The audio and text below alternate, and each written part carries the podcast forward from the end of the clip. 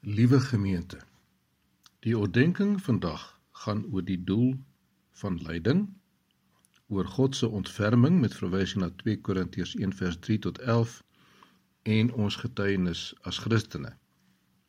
Dit is na aanleiding van 'n preek die afgelope week van Dominee Henny Swart van die Shofar gemeente in Johannesburg en waarvan die teksgedeelte en 'n paar gedagtes hierin verwerk is.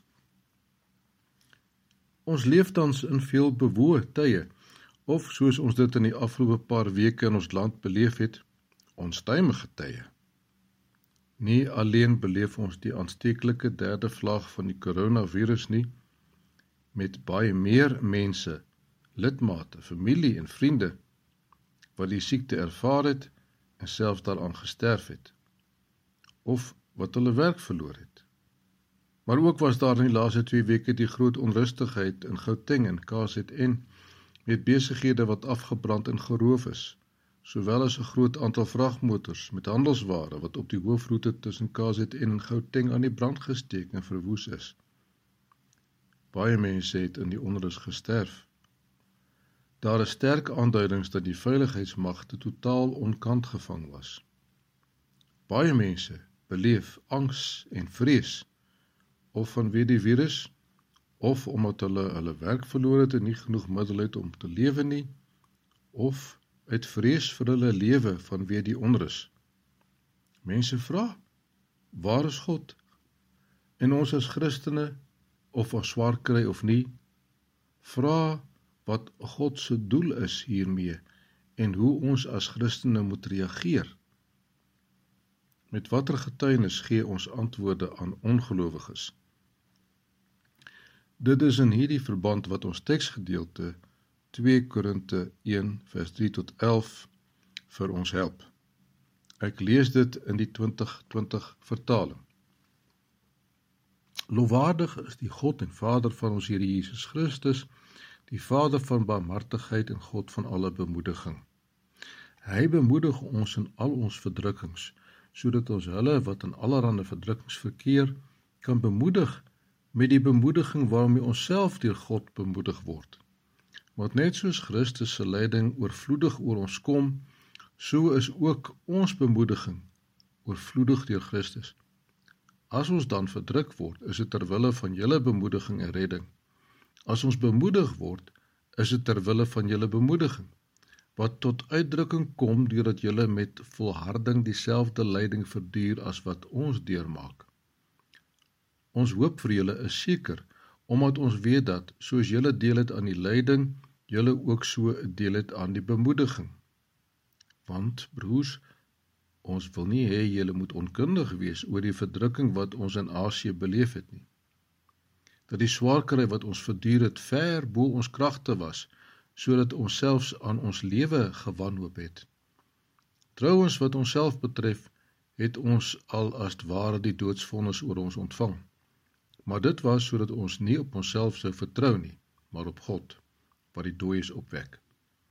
Op hom wat ons uit so 'n groot doodsgevaar gered het en sal red, is ons hoop gefestig dat hy ons weer sal uitred. Hiertoe dra julle ook by deur julle gebede vir ons, sodat deur bemiddeling van baie mense namens ons dankbetuig kan word vir die genadegawe aan ons. Die eerste gedagte hier is aardse lyding is 'n gegewe. Dit is deel van die sondige gebroke wêreld waarin ons lewe. Ons lees daarvan van die begin van die Bybel af. Byvoorbeeld Adam en Eva wat sondig en moet hoor dat die grond vervloek is en dat hulle met swaar kry daarvan sal eet.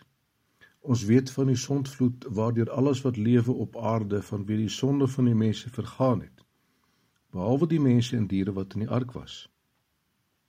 Jesus sê: Moenie vir julle skatte op die aarde bymekaar maak waar mot en roes verniel en rowers inbreek en steel nie. In Johannes 16 vers 33 sê Jesus aan sy disippels dat hulle in die wêreld swaar kry en verdrukking sal ervaar. Ons lees in ons teksgedeelte 1 2 Korinte 11 van die swaar kry wat Paulus ervaar het. Daar word soms gesê dat mense nie bo hulle vermoë beproef sal word nie. Dit is nou met verwysing na 1 Korinte 10 vers 13 waar dit eintlik oor versoeking gaan. Maar hier in vers 8 van ons teks sê Paulus dat hulle swaar kry ver bo hulle kragte was. Nou wat is die doel van hierdie swaar kry? In ons teksgedeelte is daar twee antwoorde. Dis die vertroue op God en bemoediging. Die eerste dan oor die vertroue op God. Paulus skryf dat hulle swaar kry baie swaar was, dat hulle gemeen het dat die doodsvonnis oor hulle uitgespreek was. Maar dit was sodat hulle nie op hulle self sou vertrou nie, maar op God. Soos dit staan in vers 9. Baie mense hoor die evangelie, maar dit gaan by hulle verby.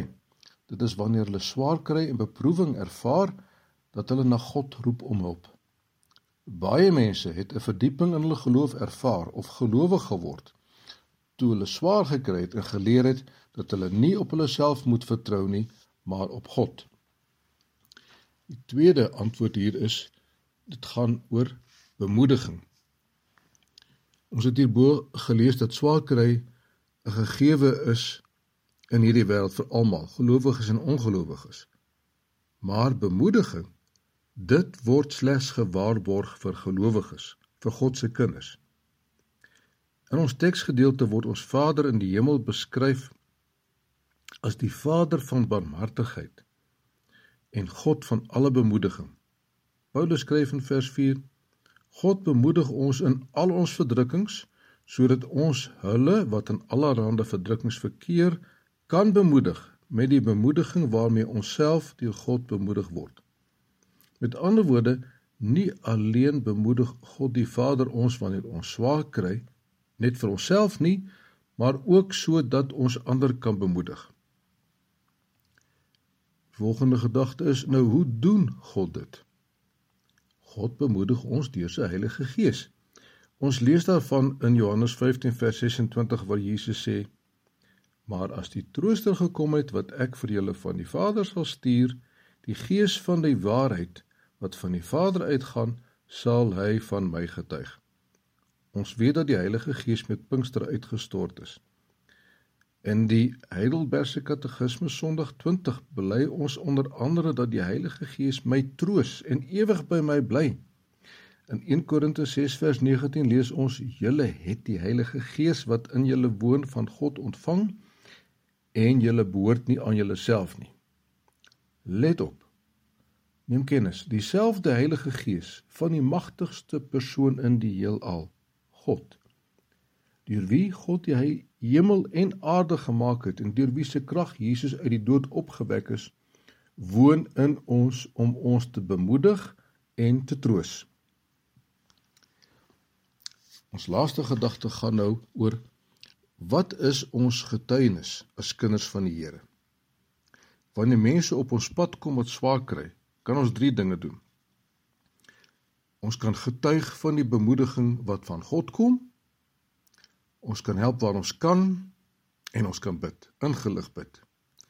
So eerstens oor bemoediging, wel ons het hierbo vertel hoe God se bemoediging werk. Dan om te help waar ons kan, om te help waar ons is, is die bewys van liefde. Jesus leer ons dit met die groot gebod, naamlik om God met al ons krag lief te hê, hart, siel en verstand, en ons naaste soos onsself. 'n Voorbeeld daarvan is wat Jesus ons leer met die gelykenis van die barmhartige Samaritaan in Lukas 10. Om nie by 'n siek mens verby te gaan nie, maar na die siek mens toe te gaan en te help soos nodig. En dan derdens kan ons bid, ingelig bid. In ons teksgedeelte sê Paulus in vers Ons wil nie hê broers dat julle onkundig, dit wil sê oningelig moet wees met die verdrukking wat ons in Asia beleef het nie.